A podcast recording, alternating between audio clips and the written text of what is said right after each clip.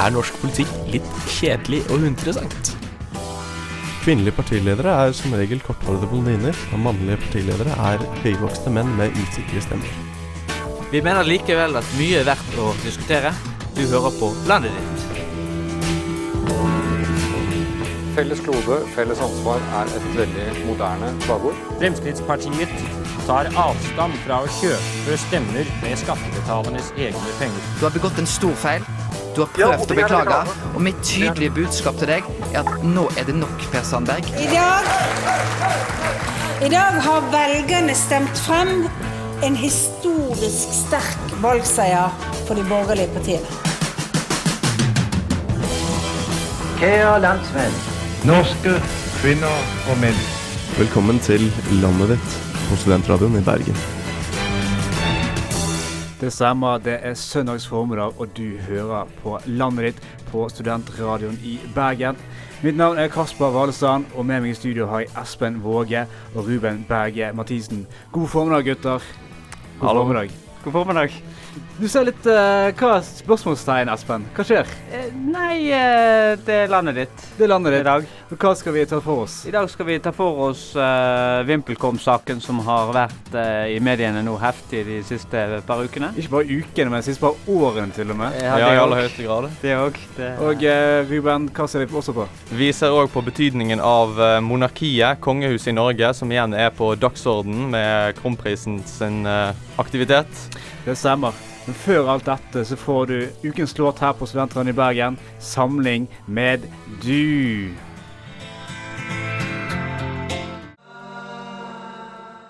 Parti kun en masse middelaldrende, kjedelige hvite mennesker uten sjarm og egenart? Vil du ha en eh, mer unik og spennende representant for ditt parti? Hos oss i Leien politiker er ingen etterspørsel umulig. Vil du ha en annengenerasjons innvandrer med rogalandsdialekt og mastergrad i menneskerettigheter og rettsvitenskap? Eller vil du ha en eh, trønder med kort lunte og en merkelig oppfatning av ordet regjeringssamarbeid? Alt kan ordnes. Kom inn for en uforpliktende prat i dag. Og husk, hos Leien politiker går regjeringskabalen alltid opp. For unike og spennende politikere, hør på landet ditt. Det stemmer, vi prøver også i landet ditt å få ting til å gå opp. Men noen som ikke har greid å få ting til å gå opp, det er Telenor og VimpelCom, eh, eh, Ruben. Ja, det er helt riktig. VimpelCom-saken begynner, eh, begynner å dra på årene virkelig nå. Han har holdt på helt siden 90-tallet. Og Telenor ble jo ganske tidlig eier i VimpelCom. VimpelCom er da eh, Russlands største teleleverandør. De eier nå en tredjedel av VimpelCom, og for noen år siden så eh, hadde de en interesse av å komme inn på det usbekistanske markedet. Usbekistanske markedet, altså. Ja. Der eh, så de det som at eh, de kunne tjene noen gode penger. Så eh, de eh, prøvde å komme på godfot med personen som styrer det usbekistanske telemarkedet, som er presidenten sin datter i uh, autokratiet Usbekistan. Hun uh, Gulnara Karimova, og uh, tidligere Idol-deltaker og professor. Ja, det en altså imponerende liste over meritter. Både Idol-deltaker, egen musikkvideo og, eh, og Harvard-utdannelse, Espen. Ja, Nei, det er ikke mangel på hva hun ikke har vært borti. Hun har jo òg eh, studert mote, og er vel òg motedesigner, i tillegg til å da ha studert på Harvard og alle disse andre stedene. Og selvfølgelig da det universitetet i Usbekistan har hun òg selvfølgelig studert. Men Espen, nei, ikke Espen, men eh, Ruben, hva som har skjedd siste uken her? eh, siste saken som har kommet opp nå? Det som har skjedd siste uken, er jo bl.a. at eh, det er kommet opp ny informasjon om hva Telenor-ledelsen visste om VimpelCom sin uh, korrupsjonssiktelse. Ja, fordi Aspen, eh, Telenor har tidligere uttalt seg Nei, de viste jo ingenting om dette. Ja, nei, det er det de har. Eh, det er litt usikkert òg, fordi vi vet jo ikke hvor mye penger det er snakk om heller. Noen sier liksom 200 millioner, andre sier 2 milliarder. sant? Eh, og det kommer hele tiden frem nye opplysninger og nye opplysninger som dette Telenor-styret da skal ha visst om. Da, For de, skal de var jo, gikk jo foran eh, kontroll- og konstitusjonskomiteen her i vinter, der de sa nei, vi visste ingenting. Men nå plutselig, Ruben, så jeg vet visst eh, flere enn ingen mye, kan du si.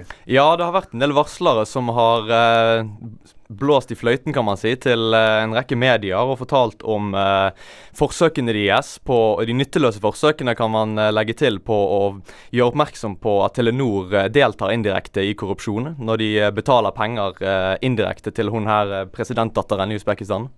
Ja, ikke minst så, så sitter jo òg altså Nå er jo Telenor bare en minoritetseier, selvfølgelig, med 33% men eh, flere av de som sitter i styrene som skal kontrollere selskapene år ut og år inn, de er, kommer jo direkte fra Telenor. De er jo liksom satt opp av, av Telenor. Og eh, til og med den tidligere lederen av VimpelCom er jo ansatt av Telenor, eller ja, kommer jo da fra Telenor-konsernet. Var det, og er nå permittert av Fredriksen-konsernet. Men dette er en ting, eh, Ruben Espen, som norske medier og norske, liksom, norske, si, norske eh, bedrifter Nei da, vi er ikke så korrumperte, vi uttaler ingenting. Men plutselig, når du kommer ut eh, øst for Volga, eh, Ruben, så, eh, så skjer det andre ting. Ja, det er jo fort det som skjer. sant? For det, at, det er jo helt andre normer for å drive forretning i, i disse landene. Særlig de mer autokratiske landene, der det er eh, nærmest eh, en rule of the game å bruke grease money, som man kan kalle det. Bestikke eh, de man ønsker innflytelse på. Rett og slett få hjulene i gang. Ting skjer ikke, eller tar i så fall veldig lang tid hvis man ikke kommer med disse pengene i forkant av forhandlinger og, og sånn. Uh, skal du ha de tillatelsene, men, men denne saken har jo virkelig blåst opp. da, altså Etterforskes jo i Nederland, Sveits, Russland, Norge og selvfølgelig da USA, hvor, hvor aksjen deres da er Men det er spesielt, eh, for eksempel, spesielt uh, staten Norge er jo dypt inne selv nå, og er dypt inne også oljefondet. Oljefondet er jo dypere inne i masse forskjellige selskaper. Og de har jo et eget si, etikkombud som skal se for at, eh, at oljefondet gjør riktige ting. Men det virker ikke helt som at Telenor, som også er statlig eid, eh, Ruben, følger dette. Nei, eh, det virker absolutt ikke sånn. Altså, eh, nå har jo den nye konsernsjefen i, uh, i Telenor sagt at alle steiner skal snus. Det var den uh, krystallklare uttalelsen hans om at de skal gå inn i en intern gransking og finne ut nøyaktig hva som har skjedd her. Men det er to problemer jeg bare må nevne med den undersøkelsen. og Det ene det er at de skal ikke undersøke korrupsjonsbeskyldningene. Og det er ikke sikkert at noen får vite, bortsett fra de som er i Telenor-toppen, hva som står i rapporten. Hvis jeg ikke husker helt feil, Ruben, så skal han visstnok òg ha mottatt en etikkbonus for å ha oppfylt flere av disse kravene vi, eh, vi setter, den norske staten setter for uh, Så, så setter på Konsernledere. norske konsernledere. Og eh, snart skal vi også få høre hva vi tenker om hvilke standarder vi setter til vår kronprins Håkon Magnus. Men det får du etter Taylor Swifts Low Story her på Studentradioen i Bergen.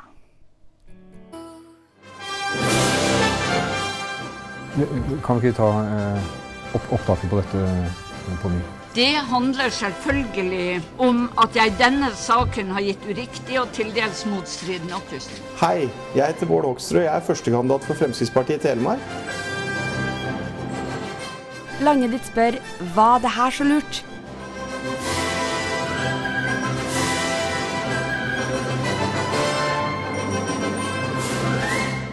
Du hører på Studentradioen i Bergen, og dette er landet ditt. I studio finner du Kasper, Espen og Ruben.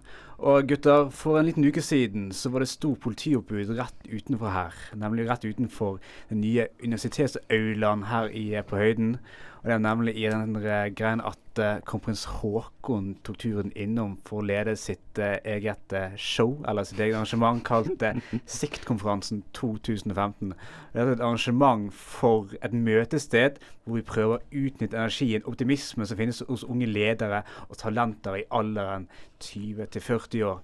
Etter det så kom det en stor diskusjon i media om hvor riktig det var av Kompensen og eh, å gå inn i en slik politisk rolle der det både var næringsliv og skattepolitikk som var en del av eh, temaet, Espen. Ja, nei, Det er mye som er litt i gråsonen eh, når det kommer til denne siktkonferansen. Kanskje det største problemet jeg har, er jo eh, disse sponsorene. Det er mange sponsorer som eh, gir over en halv million kroner til dette arrangementet hvert år. Eh, Så er det spørsmålet om man liksom kan kunne kjøpe seg til kongelig glamour da, og oppmerksomhet i, i den anledning.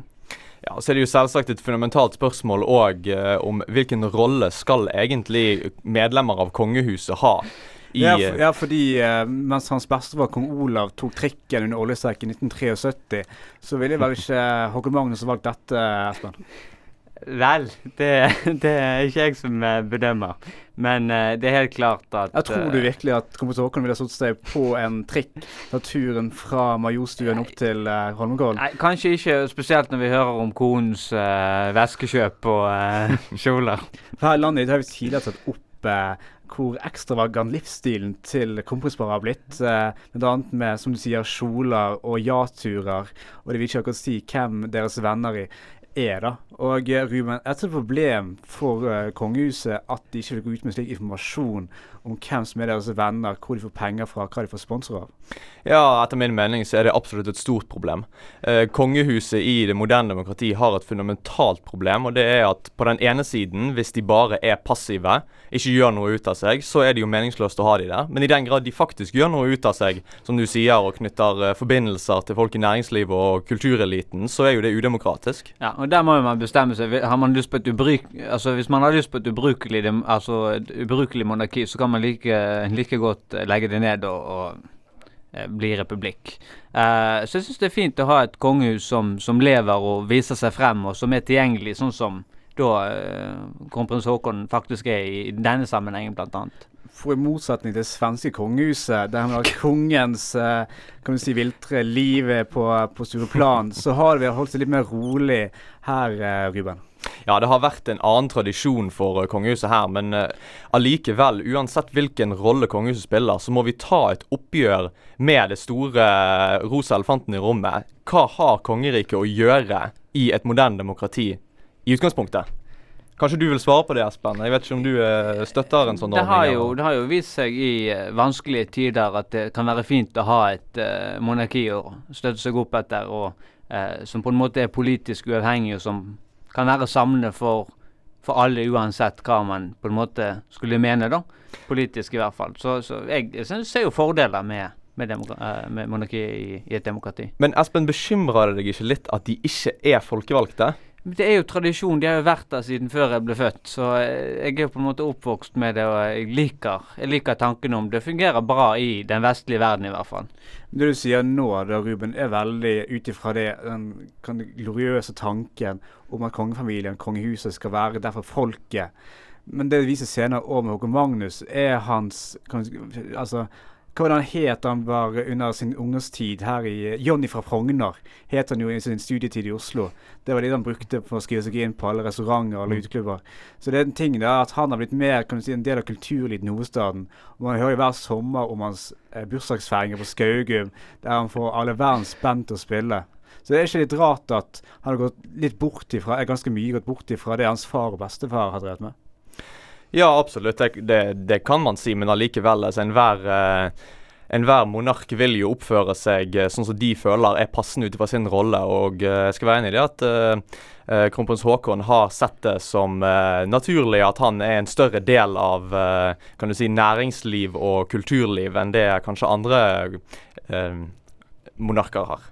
Ja, Men eh, det, i motsetning til flere andre kongehus, så, så mangler jo skandalene. og eh, Vi har en kronprins som er utrolig populær. Hvis du spør eh, unge studenter, jenter i hvert fall, så, så vil jo de mene at han er veldig kjekk og, og liker han som person. og Åpenbart er jo mediene veldig interessert i, i kronprinsen. så jeg ser ikke og næringslivet òg, så, så det, det må jo være perfekt å, å ha en, en så fin stemmer det. altså Kanskje det vi trenger i moderne verden, en kompis som kan bry seg om mer enn hva han får til fiske oppe i Lærdalselven.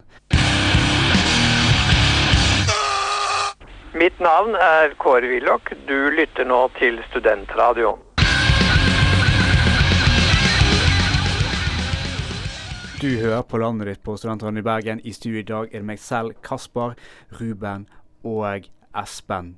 Og eh, for rundt et halvt år siden så var det eh, eh, Så ble Ulrik Rolfsen, filmregissøren, han ble utsatt for en razzia av PST, som tok hans filmmateriale fra da han og hans medregissør hadde filmet islamisten Udayaya Hussein sin tur til Sverige, der han kjørte en 18-åring til, til flyplassen som skulle la videre til Syria. Og Senest denne uken gutter, så var det diskusjon da i Høyesterett om hvorvidt PST skal bruke dette materialet som de har fått gjennom overvåkning, eh, Ruben. Ja, og her i denne saken er det jo viktige hensyn som Høyesterett må veie opp mot hverandre. På ene siden har du hensynet til rikets sikkerhet, åpenbart. Og på andre siden har du hensynet til kildevern og pressefrihet i landet. Han har allerede tapt i to rettsinstanser. Nå har det gått til Høyesterett, så det har jo tapt allerede mot PST. Men hva tenker du, Aspen, Er det riktig av Altså riktig rent eh, kan du si, etisk moralsk å drive med overvåkning? Det er veldig vanskelig å, å svare ja eller nei på det. Eh, men det som har vist seg, er jo det at veldig mange eh, av de som har utført terrorhandlinger, og har prøvd å utføre terrorhandlinger tidligere, de har vært i kikkerten til etterretningstjenester i ulike land. PST f.eks. Uh, har vært borti flere av de. Uh, og når jeg ser at det er tilfellet, så tenker jeg at det kan være mye godt i den overvåkningen, selv om det på en måte på papiret ikke høres så fint ut. da. Men Espen, jeg må jo bare påpeke at likevel så kan vi jo se til USA for litt lærdom. De må jo sies å ha verdens mest uh, massive overvåkningssystem. Likevel mener deres egen granskning at det kun har stoppet én terrorhandling. Én terrorhandling, og det var å sende penger til Al Shabaab fra en uh, amerikansk statsborger. Det er det eneste som har blitt oppdaget gjennom den overvåkningen de driver med. Har de gjort nok overvåkning, da? For f.eks. han Massachusetts-bomberen. Massachusetts-bomberen han hadde jo de hatt i kikkerten fra eh, tiden i Russland. Uh, og jeg tenker at Hvis man hadde hatt enda litt mer overvåkning, nå kunne det i så fall ha, ha berget noen liv. og uh. Ja, for her er jo snakk om denne 18-åringen. Han skulle til uh, Syria for nettopp å kjempe for IS. Og Da er det kanskje greit for rikets sikkerhet å, å kunne gå inn der? Ja, Det er i hvert fall det PST mener. Men Syria er jo et spennende, spennende land, både kulturelt og religiøst og, og alt annet òg. så hvorvidt han faktisk skulle tilknytte seg terrorgruppa, terrorgrupper, det, det, er jo det er jo vanskelig det, det, jo det å man si. kan lese ut ifra at han var med eh, islamisten Aluya Hussain. Og når man skal reise til Syria, så er det lite annet enn kanskje For det går litt av to sider av samme sak. Er det nødhjelp, eller er det, er det, er det kriging, eh, Ruben? Riktignok gikk flyet kun til Rodos i første omgang, da, så det, det var det flyet han ble pågrepet i av eh, svenske myndigheter.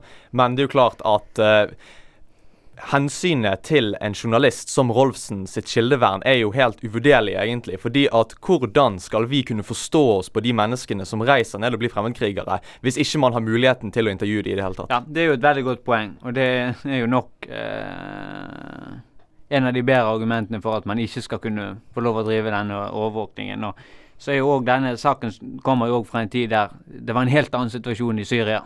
Det har jo skjedd utrolig mye siden de første rettsinstansene denne saken var inne i. Eh, så nå er det, er det kanskje mer enn naturlig at i så fall det hadde vært for, for å drive terror eller for å gjøre det motsatte. Men man ser jo mer og mer at det var overvåkning i forskjellige saker. Senest denne uken her var det jo nettopp ble pågrepet en razzia her i Bergen, der det var en pokerklubb det har gått flere kan du si, under penger som var sorte. da. Eh, Espen? Ja, nei, sant, det viser jo, og vi ser jo alle disse her pedofilisakene og sånn. Man ruller opp utrolig mye med den eh, etterforskningen, og kanskje ikke de har vært så heldige og dyktige i USA, men det har faktisk PST vært i, i Norge, og det skal, det skal vi være glad for. Men skal vi være redde, Ruben, for overvåkning? Ja, man burde som et utgangspunkt absolutt frykte overvåkning. Fordi at overvåkning kan misbrukes så grovt, og du ser det så mange steder i verden. De aller fleste stater i verden, for ikke å si alle, har misbrukt overvåkning. Selv her i Norge har det blitt brukt for å eh, prøve å fange opp eh, mennesker med politiske syn man ikke liker i en bestemt periode. Så absolutt. Endelig er dagen klar. De ansatte på Svanviken kunne endelig si hysj og fiskam til de nyankomne ved Svanvik arbeidskoloni. Leiren kan holde flere hundre tatere, og med den iherdige innsatsen til norske kvinner og menn makter vi kanskje å utrydde en folks egenart. Det er i hvert fall målet til sittende direktør Knut Myhre. Ja, dette er en dag vi sent vil glemme, og jeg er rimelig sikker på at vi aldri kommer til å skamme oss dypt, dypt over at en slik instans noensinne fantes. For ting du helst ikke vil høre om landet ditt, hør på landet ditt. Og fra en leir til en annen. Dette er landet ditt her på Studentradioen i Bergen. Og eh, Ruben, vi skal fram til Vi skal ut i skogen, vi skal under trær. Vi skal fram til trålene, skal ikke vi det? Ja, vi skal prøve å snu hver stein, som eh, Telenor-sjefen sa. Eh, det er jo Facebook-siden til eh, Per Sandberg som eh, står for tur nå. Og der har de jo ikke den beste debattskikken jeg eh, har vært vitne til. Eh, de alvorlig stygge kommentarene som har kommet der eh, mot Knut Arild Hareide, har jo blusset opp i media og skapt ganske sterke reaksjoner. Helt klart, eh, Espen. Og eh, vi har jo sett på noen av kommentarene. Annet så har eh, Hareide, Knut Arild Hareide, KrFs leder, blitt utsatt for ganske hard eh, kritikk. Eh, Er ikke det slik, Ruben? Jo, det er absolutt slik. Han er blitt kalt ved navn. Stygge navn som Judas, Landsviker og Quisling. Og øh, tilleggskommentarer som at folk som stemmer på KrF, de burde bli fratatt stemmeretten.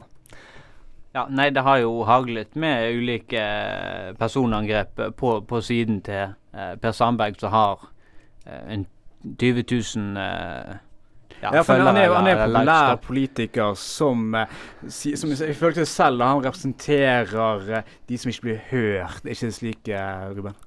Jo, det er i hvert fall sånn Fremskrittspartiet liker å framstille seg sjøl som. Som et, et folkets parti for folk flest, som slagordet de sier. Og han er jo et sånt eget wildcard. altså Han er ikke en del av regjeringen. og Han snakker fritt, og han får tale fritt. og Litt munnkurv av og til av, av Siv. Men, men her har jo det haglet med kritikk altså mot både KrF eh, sin leder Knut Arild Hareide og ikke minst eh, Trine Skei Grande fra, fra Venstre. Nettopp Trine Skei Grende hun har også fått veldig mange kommentarer på sin side. Men der Sandberg har latt eh, trålene leke fritt med Espen Askeladd, så har Trine Skei gjort noe helt annet.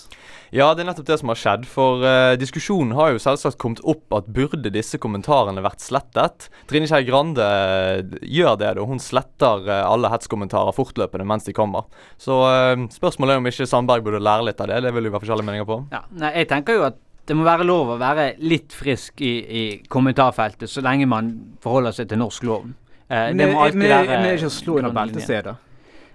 Jo, man kan sikkert mene det òg, men eh, nei, man må få lov å, å si ting. Kan man vite. Og dette er jo folk som er frustrerte, og som har stemt på noe, og som mener at majoriteten av, av den norske befolkningen har stemt på noe. Og så pga. Eh, den demokratimodellen vi har, så, så får disse her minipartiene så mye innflytelse og kan si hva de vil, kan legge kjepper i hjulene på hva de ønsker.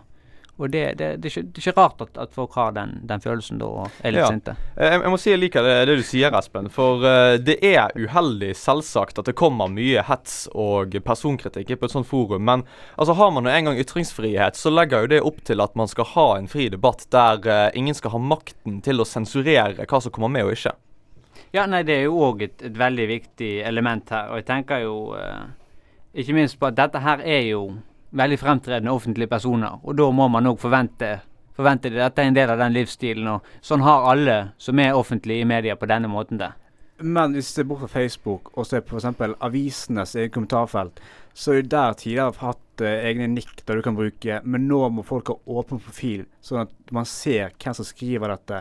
Gjør dette at uh, terskelen blir høyere eller lavere for å gå inn på debattforumet, debatt, debattforum, eh, Ruben?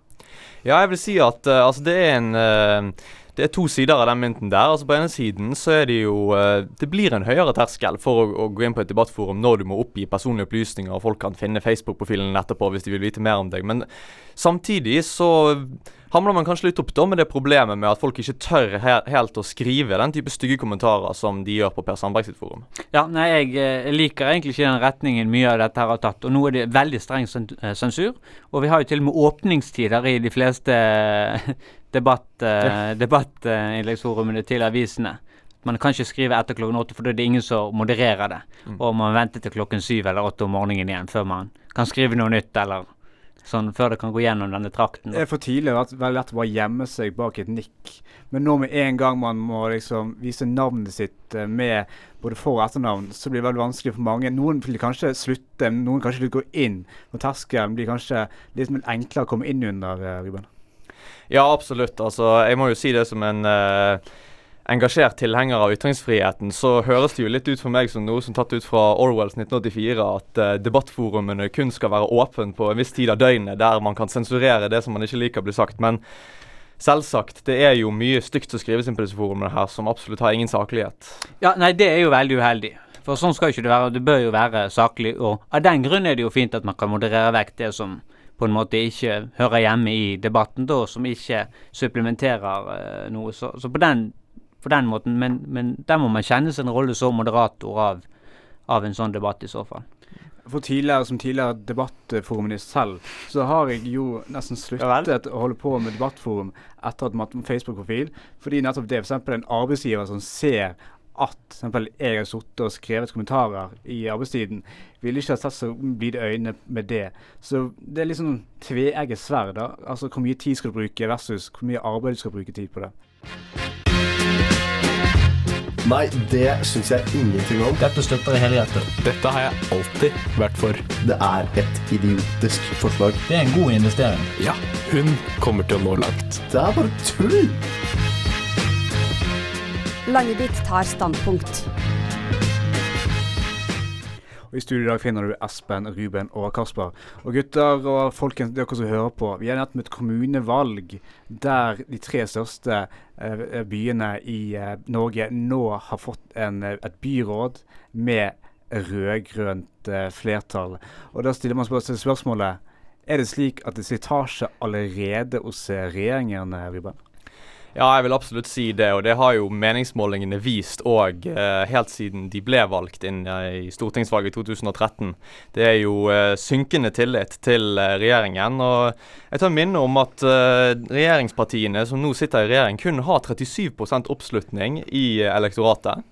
Ja, nå skal det jo sies at Trondheim har vært rød siden tidenes morgen, og det har vært borgerlig styre i Oslo i 18 år og det har vært borgerlig styre i Bergen i tolv år. Du tenker det, mer, at, det, tenker mer at det er slik at det er en eh, lokal det er nok slitasje? først og fremst en lokal slitasje. Og man så jo også spesielt i Oslo kanskje, hvor det ikke har vært like mange negative saker, og hvor de blå fremdeles er utrolig store. Det var rett og slett en vippesak som Miljøpartiet De Grønne liksom fikk, fikk være, være den ja, men nettopp det har vi fått siste året nå, med at Miljøpartiet De Grønne altså de har vært i vippeposisjon i flere kommuner der de har om de skal vippe til høyre eller til venstre.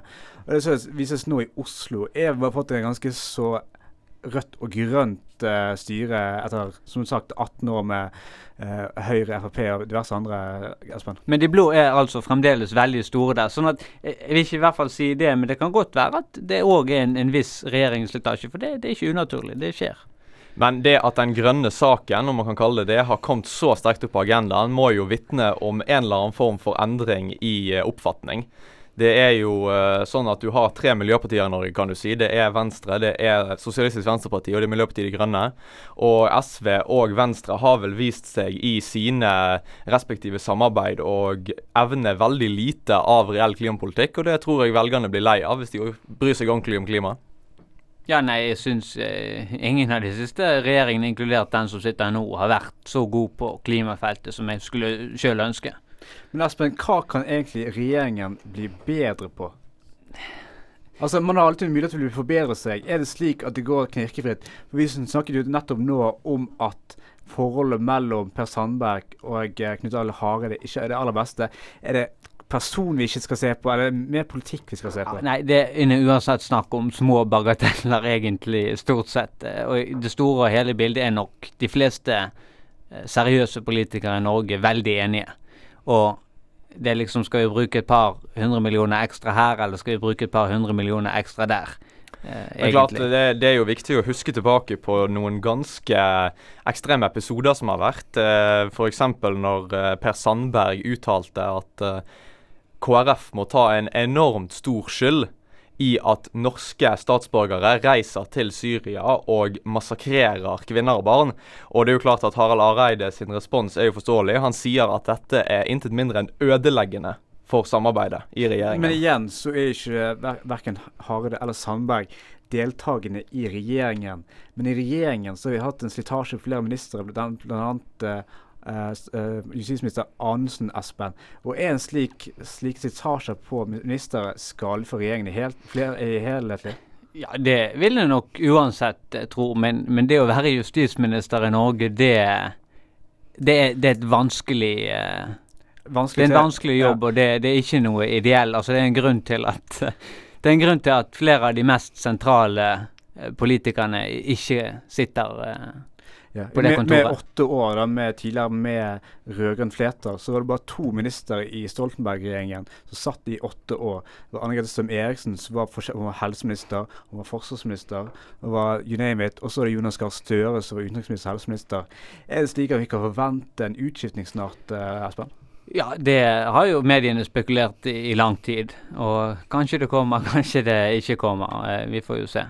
Men uh, ikke uaktuelt i hvert fall. Ruben, når media kan vel si prøver å pushe på i vente på Jonas, Jonas i 2017, uh, hva tror du skjer om to år? Er det fortsatt slik at uh, Jonas Gahr Støre rir på en, eh, en høy bølge, og at Erna Solberg Siv Jensens eh, regjeringssamarbeid faller sammen? Nå er det jo to ting her som vi må få klart på plass. og Det ene er jo at eh, populariteten til opposisjonen alltid går opp når de er i opposisjon. Og det andre er at mediene alltid vil eh, blåse opp historier om hvor ineffektiv eh, regjeringen er. Så det gjør jo at hele bildet blir noe eh, overdrevet, antageligvis. Om Støre går av med valgseier i 2017, gjenstår jo virkelig å se. Det er ingenting vi kan si om det nå ut ifra situasjonen. Er klart, ja, men de har ikke noe stort problem, altså egentlig bare slitasje på ministre. Så det kan jo være jeg er ikke helt Espen. Ja, nei, for det skjer jo veldig mye bra i Norge, og man har jo rekordsatsinger på det aller meste. Sant? Vi, jo, vi har aldri gitt mer til, til flyktninger. Eh, lokaldemokratiet får jo mer reelt innhold når kommunene blir sterkere, som de sannsynligvis blir etter en kommunereform. Vi har politireform på gang som blir utrolig bra, og hvor man får flere operative enheter. Eh, det skjer utrolig mye bra. Vi har gjort eh, viktige endringer som, som gjør det mer fleksibelt og enklere å være foreldre, f.eks. med kontantstøtteøkningen på 6000. KrF er jo veldig happy med det, selvfølgelig. Eh, det, det skjer utrolig mye, det har skjedd utrolig mye, og ting går bra i Norge. Så det vi kan si da, nei, Ruben, er at det er ikke noe slitasje på politikken til regjeringen, det er slitasje på ministre.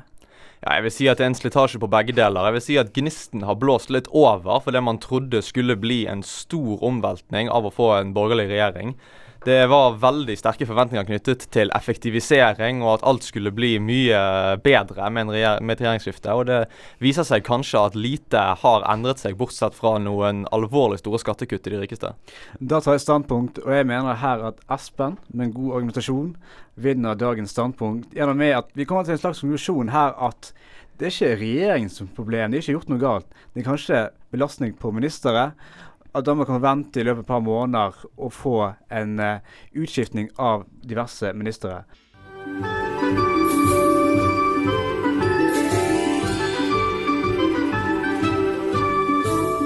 Hvis du skulle beskrive Trude Drevland med ett ord, hva ville det være?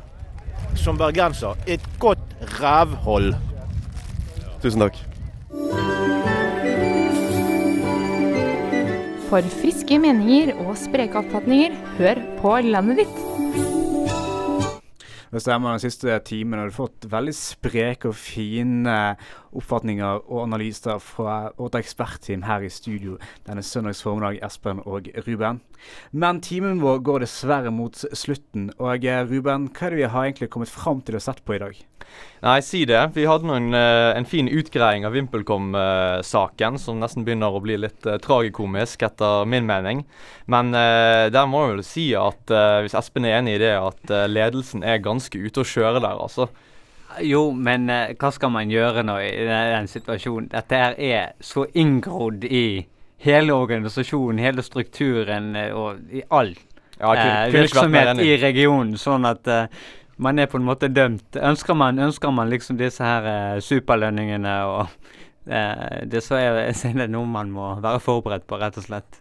Helt klart. Vi har sett på andre ting også, Espen. Jo, vi har snakket om eh, denne her eh, fantastiske eh, eh, Rolfsen-saken som har vært i Høyesterett, med eh, beviser som PST har tatt inn og har brukt. og eh, Vi har sett på om det er riktig eller galt. Ja, ikke minst om, om det er riktig eller galt å, å, eh, å benytte Benytte seg av bevismaterialet som er blitt tatt inn på en litt, eh, kan du si, eh, ikke en helt grei måte om vi skal følge norske rettsprinsipper. Nei, det er jo hvor man skal sette terskelen for hva som er grei og ikke grei overvåkning. Fordi overvåkning kan være med å, å eh, avdekke eh, tilfeller av, av eh, terrorplanlegging, terror, andre ulovligheter. Eh, samtidig som man på en måte skal ha respekt for folks privatliv og folk ikke skal overvåkes uten grunn, da.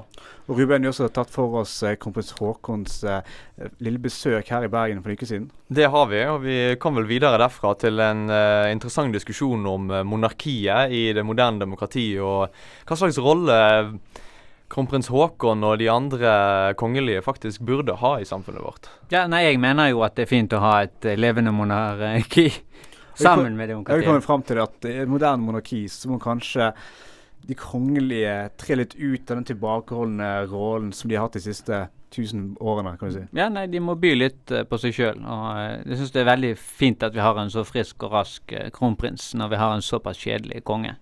No offense. Vi har også sett litt på det, Espen, med kommentarfeltet. Hvor viktig det er å være galt om hvor, hvor, hva, hva du kan gjøre i et kommentarfelt. Ja, skal man sensurere det folk mener, så lenge det liksom ikke er i strid med, med norsk lov og ytringsfriheten?